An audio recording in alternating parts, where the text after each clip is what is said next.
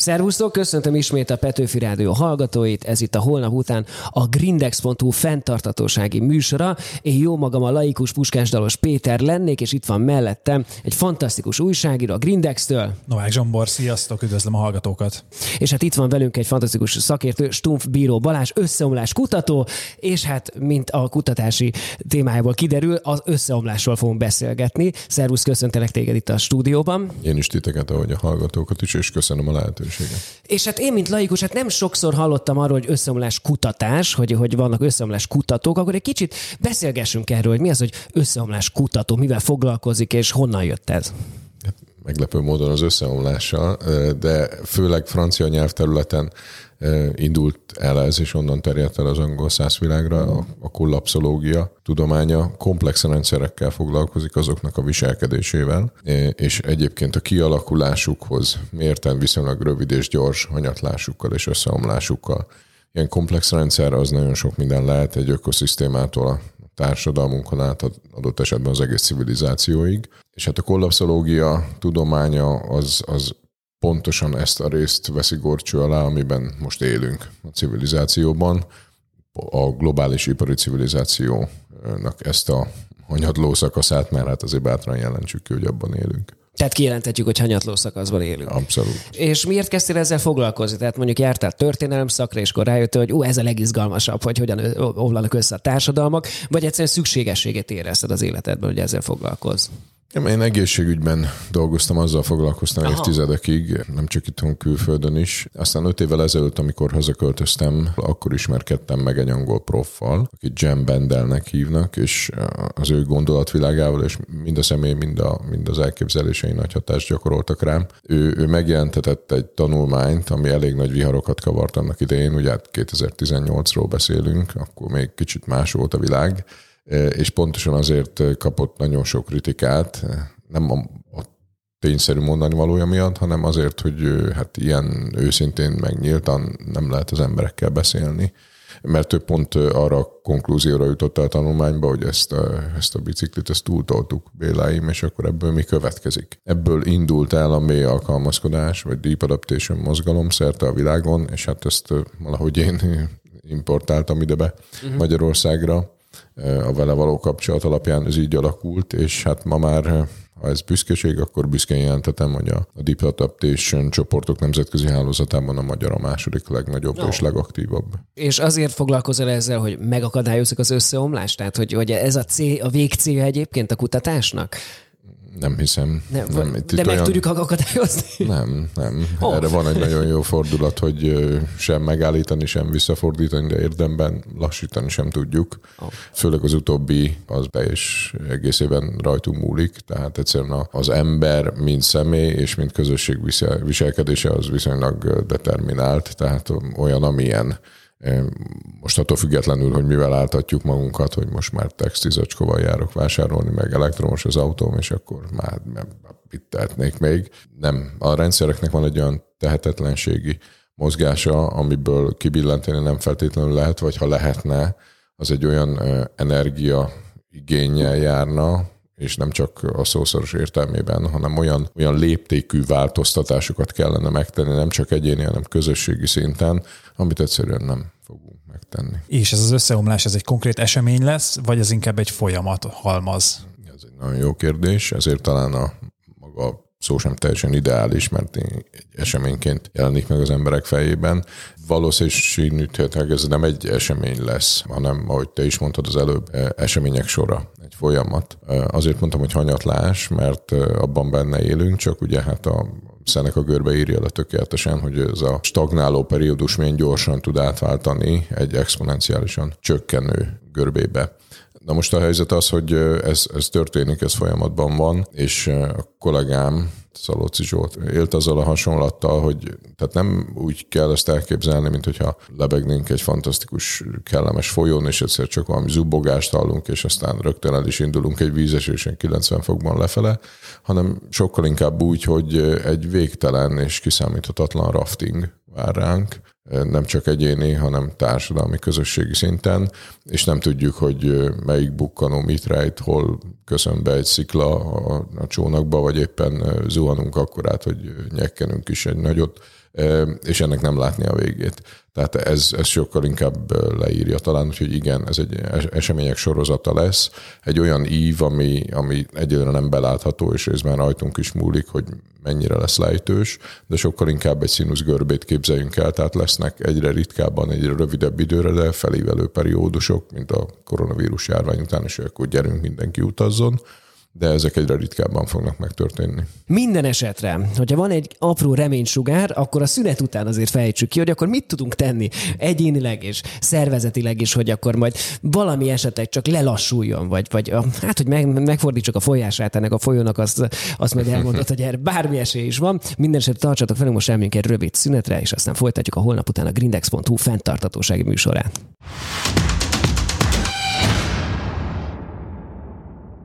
Sziasztok! Folytatjuk a holnap után itt a Petőfi Rádión. A mai vendégünk Stumpf Bíró Balázs összeomlás kutató, és itt a szünet előtt azért megnéztük, hogy mit is jelent ez az összeomlás, és hát túl sok jóval nem kecsegtet minket a jövő, de hát akkor nézzük meg azt is, hogy tehetünk-e bármit azért, hogy ez az összeomlás ne üssön akkorát, vagy ne legyen olyan horderejű, hogy aztán az mindent elsöpörjön. Milyen eszközeink vannak, vagy lehetőségeink? Így van, hát ezért nagyon sokat tehetünk, és ez egy nagyon fontos felismerés, hogy valójában ezért tehetünk. Tehát nem arról van szó, hogy itt visszaforgassuk a mókuskereket, és akkor egy reggel úgy ébredjünk, mintha mi se történt volna, hanem elképesztően sokat kell tennünk azért, hogy a, ne a lehető legrosszabb forgatókönyvek valósuljanak meg. Halkan megjegyzem, hogy ezt persze nem tesszük, sőt, ha már idéztem a kollégámat, ő mondja mindig, hogy az emberekben magában az emberben benne van az a képesség, hogy a lehető legrosszabb helyzeten is drasztikusan képes rontani. Na hát ennek most számtalan példáját látjuk a világban, és nehéz azt feltételezni, hogy a jövőben ez alapvetően másképp volna. Az már egy nagyon fontos lépés előre, hogyha felismerjük és elfogadjuk, hogy ezeket a folyamatokat alapvetően sem megállítani, sem visszafordítani, sőt érdemmel lassítani sem tudjuk. E, ez persze nem jelenti azt, hát idézve, hogy ne kellene törekedni rá, törekednünk kell fáradhatatlanul csak ugye milyen célral tesszük. Tehát nagyon sokszor okoz frusztrációt az, hogy ugye azért gyűjtöm szelektívan a szemetet, mert majd megmentem a világot, de ez nem jó. Nincs a szelektív hulladékgyűjtéssel semmi baj, de azért tegyük, mert ezt tartjuk helyesnek és nekünk így jó, és ezzel nem ártunk. Tehát, hogy mit miért teszünk, ez nagyon fontos. Talán az első és legfontosabb dolog az, hogy mind értelmileg, mind érzelmileg megpróbáljuk feldolgozni ezt a, ezt a folyamathalmazt, amiben vagyunk, hívjuk polikrízisnek, ehhez pedig az első és legfontosabb eszköz a szemléletformálás. A mély alkalmazkodás alapelveire épülő Cassandra programnak főleg ez az első és legfontosabb célkitűzése és pillére, hogy segítsünk az embereknek ezeket a bonyolult folyamatokat megérteni, egyrészt kellő tömörséggel, kellő rövidséggel, másrészt magyarul, mert hát Magyarországon élünk, és itt azért a lakosság 60%-a nem ír, olvas, hogy beszél semmilyen más nyelven. Bízom benne, hogy nagy lépéseket tudunk e tekintetben tenni előre a Pannon Egyetemmel kötött megállapodásunk és együttműködésünk alapján. E, a következő pillére a Cassandra programnak az a, az egyéni, illetve közösségi felkészülés és alkalmazkodás támogatása hiszen e, ha ha az ember már eljutott oda, hogy a saját szintjén megértette a folyamatokat és azoknak az összefüggéseit, na, nem azért, hogy a téma tudósává váljon, hanem egyszerűen megértse, hogy milyen következményekkel járnak ezek majd az ő és a szerettei életére. Ha idáig eljutott, akkor, akkor az esetek többségében vagy visszadugja a fejét a homokba, vagy pedig eh, hát eléggé megzuhan.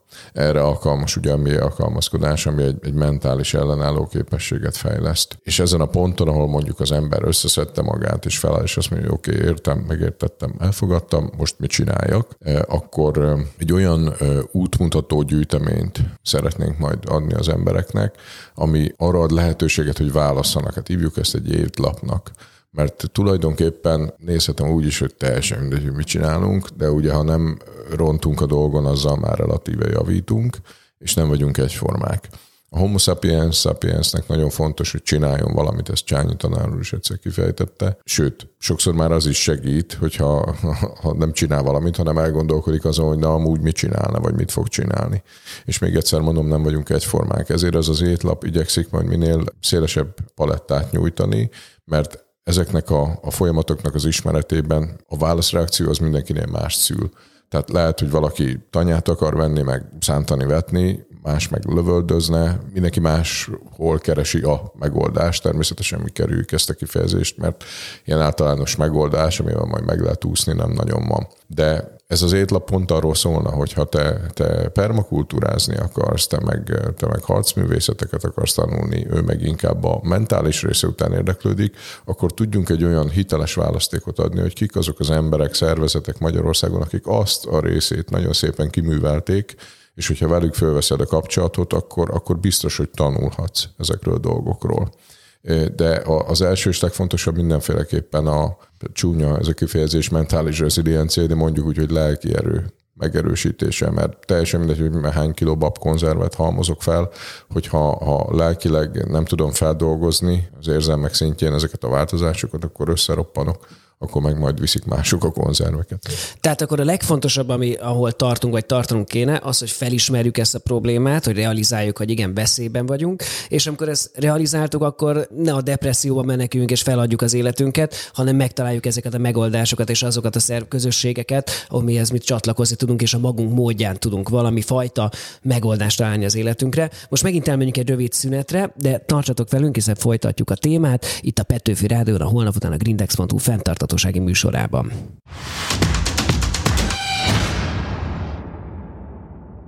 Sziasztok! Folytatjuk a holnap után a greenex.hu fenntartatósági műsorát.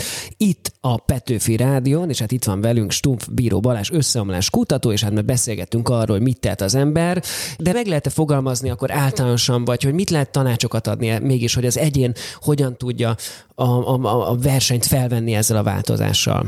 Hát egyrészt visszatérnék oda, hogy mindenféleképpen azzal, hogy nem dugja a homokba a fejét, mert az gyakorlatilag egy egyértelmű recept arra, hogy a lehetőségből a lehető legrosszabbat hozzuk ki. De ha, ha tudatosan állunk hozzá, ami azt jelenti, hogy megértjük és valamilyen szinten elfogadjuk, akkor hát nem is gyógymódot, de akkor, akkor van esélyünk arra, hogy megtegyük azokat a fontos lépéseket, amivel a saját életünket és a szeretteink életét egy kicsit bebiztosíthatjuk és megalapozhatjuk nehezebb időkre is, és ez, ez rendkívül fontosságú szerintem, mert alapvetően Ugye a Dimitri Orlov féle felosztásban az összeomlásnak öt fázisa van. Az első a pénzügyi, a második a kereskedelmi, ugye ez az első kettő a gazdasági.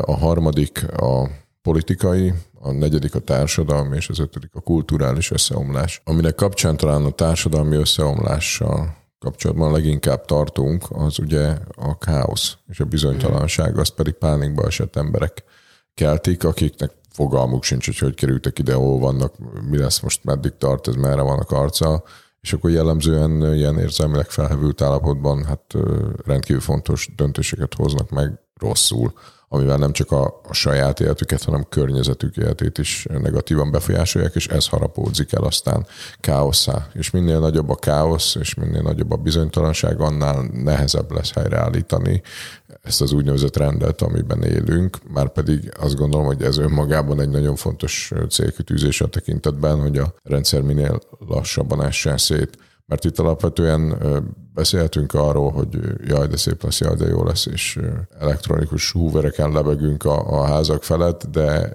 persze egyetértek minden szempontból, és folyamatosan javítani kell, ahol tudunk. De a legfontosabb akkor is, hogy bármilyen is legyen az a rendszer, amit alkottunk, a globális ipari civilizáció.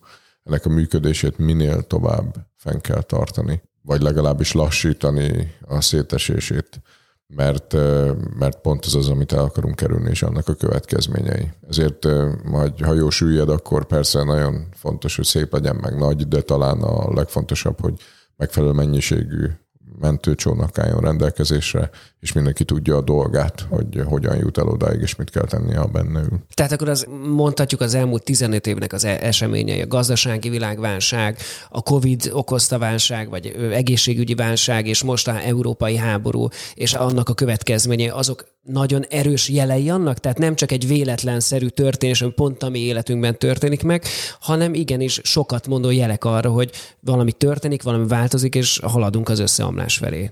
Így van, ezt elmondhatjuk egyértelműen. Egyébként 2020 ilyen tekintetben szerintem vízválasztó lesz, majd utólag visszanézve. Két dolgot biztosan elmondhatunk ezekről az eseményekről, hogy egyrészt gyorsítják ezt a szétesést, másrészt meg el is fedik a valódi okokat mert hát bármi van, elmondhatjuk, hogy akkor ez a világjárvány következményének az eredménye, említem meg az oroszok miatt van ez vagy amaz, ahelyett, hogy ráébrednénk arra, hogy itt rendszer szintű hibák vannak amiket egyszerűen nem tudunk korrigálni, mert ahhoz vissza kellene bontanunk az egészet. Sőt, hát ha valamilyen fajta megoldásról vagy irányról beszélünk, bár ezt a kifejezést én mindig kerülöm, akkor itt az úgynevezett fenntartható visszafejlődés vagy visszavonulás lenne a, az egyetlen járható út. Ez lenne az egyetlen vállalható irány, tehát, de nem az. Tehát fenntartható visszavonulás? Hogyha jól... Visszavonulás vagy visszafejlődés, tehát vissza kéne dimenzionálnunk az életünket lényegében, a világgazdaság méretét, mindent, amit csináltunk, egy sokkal-sokkal kisebb energiaigényű folyamat halmazra, ráadásul olyan léptékben, és hát itt determinálódik a dolog, ami tulajdonképpen összeomlásként lehetne megélhető az emberek életében, és ezt hát ők sem akarják, a politikus meg nincs a földön, aki felvállalná. Hát gondoljunk bele, hogy, hogy a 2020-21 az egy 7%-os visszaesés volt a világgazdaságban. Hát mindenki rosszul volt, hogy itt a világ vége, meg most már nem mehet ide-oda, meg nem veheti meg, e, és ennél, ennek a többszörösét kellene. Tehát a, a hatodára aztán felezni, felezni, felezni. Ezt, e, ez nem egy járható út. Igen, hát ezt kimondhatjuk, hogy olvasok a híreket, hogy ezek nem járható utak, hiszen folyamatos pánikkeltésben vagyunk minden egyes kisebb adatnál is. Viszont most megint elmenjünk egy rövid szünetre, de aztán folytassuk még ezt a témát. Úgyhogy maradjatok velünk itt a Petőfi Rádion a holnap után a Grindex.hu fenntartatósági műsorával.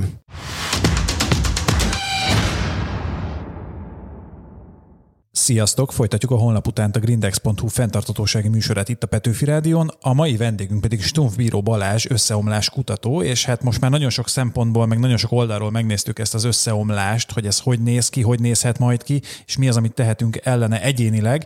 Viszont ugye emberek vagyunk, és az életünket a közösségek határozzák, meg közösségben éljük az életünket, szervezetek vesznek minket körül a munkahelyünk, az iskolánk, az óvoda, ahova hordjuk a gyereket, pékség, ahova lejárunk. Tehát különböző szerveződési formákban élünk tulajdonképpen, és hát az is egy nagy kérdés számomra, hogy ezek hogyan tudnak adaptálódni adott esetben, vagy hogyan tudjuk általuk elkerülni ezt az összeomlást, vagy hát úgy viselni, hogy az jó lenne. Tény, hogy az életünk kereteit talán kevésbé Fekete-Afrikában, de a fejlett világban mindenképpen szervezetek alkotják. A szervezetek az életünk minden területén jelen vannak, tehát ahogy te is mondtad, teljesen mindegy, hogy pék, vagy iskola, vállalkozás, vállalat, állam, ezek mind szervezetek.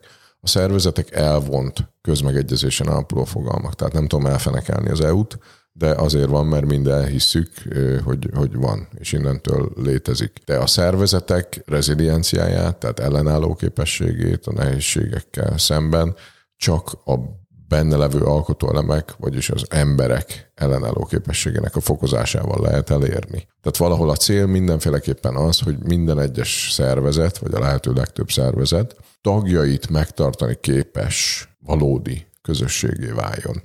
Azt, azt fontos, hogy megértse majd minden felelős vezető, és most nem feltétlenül a legmagasabb szintre gondolok, hanem bárki, aki felelős emberekért, hogy ahogy nehezednek a dolgok majd, mert hát beszéltünk erről az elején, hogy összeomlás lényegében ez nagyon egyszerű, egyre nehezebben vagy a végén se, hogy se lesz az állam képes biztosítani azokat az alapvető funkciókat, ruházkodás, energia, élelmiszer, víz, elérhető és normális, elfogadható áron a tömegek számára a törvények adta keretek között, ez pedig ezekhez a folyamatokhoz vezet. Ahogy ez kibontakozik a valóság, és egyre nagyobb lesz a bizonytalanság, ez egy centrifugális erőként hat, ami kifelé nyomja az embereket a szervezetekből.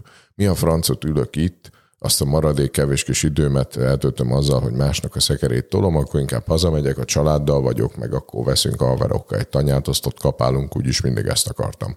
De ez nem jó, mert ez beindít egy olyan folyamatot, ami még jobban gyorsítja ezeknek a szervezeteknek és így az egész rendszernek a széthullását. Úgy az elején még így ilyen kicsit viccesen megéreztem, hogy hát igen, hogy nem lesz egy túl pozitív kicsengésű beszélgetés. Közben, hogy beszélgetünk, és egyre jobban folytam is bele abba, hogy depresszióba esünk, hogy hamarosan apuka leszek. Hogy az, az volt az elképzelésem az életről, meg hogy az előző generációknak az volt az elképzelése, hogy azért dolgozom, hogy az én gyerekemnek minél jobb legyen.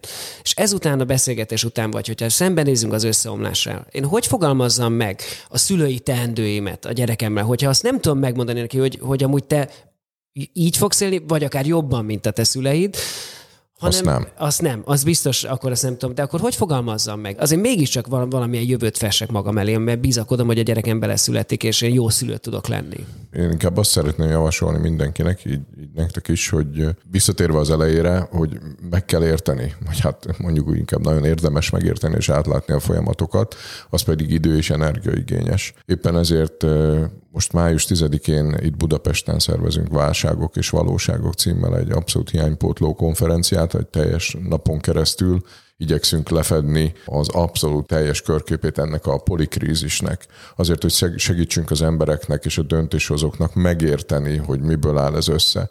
Mert csak akkor fogsz tudni megfelelő döntéseket hozni, hogyha ha képben vagy ezzel. Te, amit szülőként tehetsz, hogy egyrészt felnőttként igyekszel előre gondolkodni, olyan tudást biztosítani a gyerekednek, ami, ami lehetővé teszi majd a megváltozott körülmények között is az emberi és élhető életet a számára, és talán ami a legfontosabb, hogy közösen megélt élményeken keresztül egy szeretetteljes gyerekkort biztosítasz neki.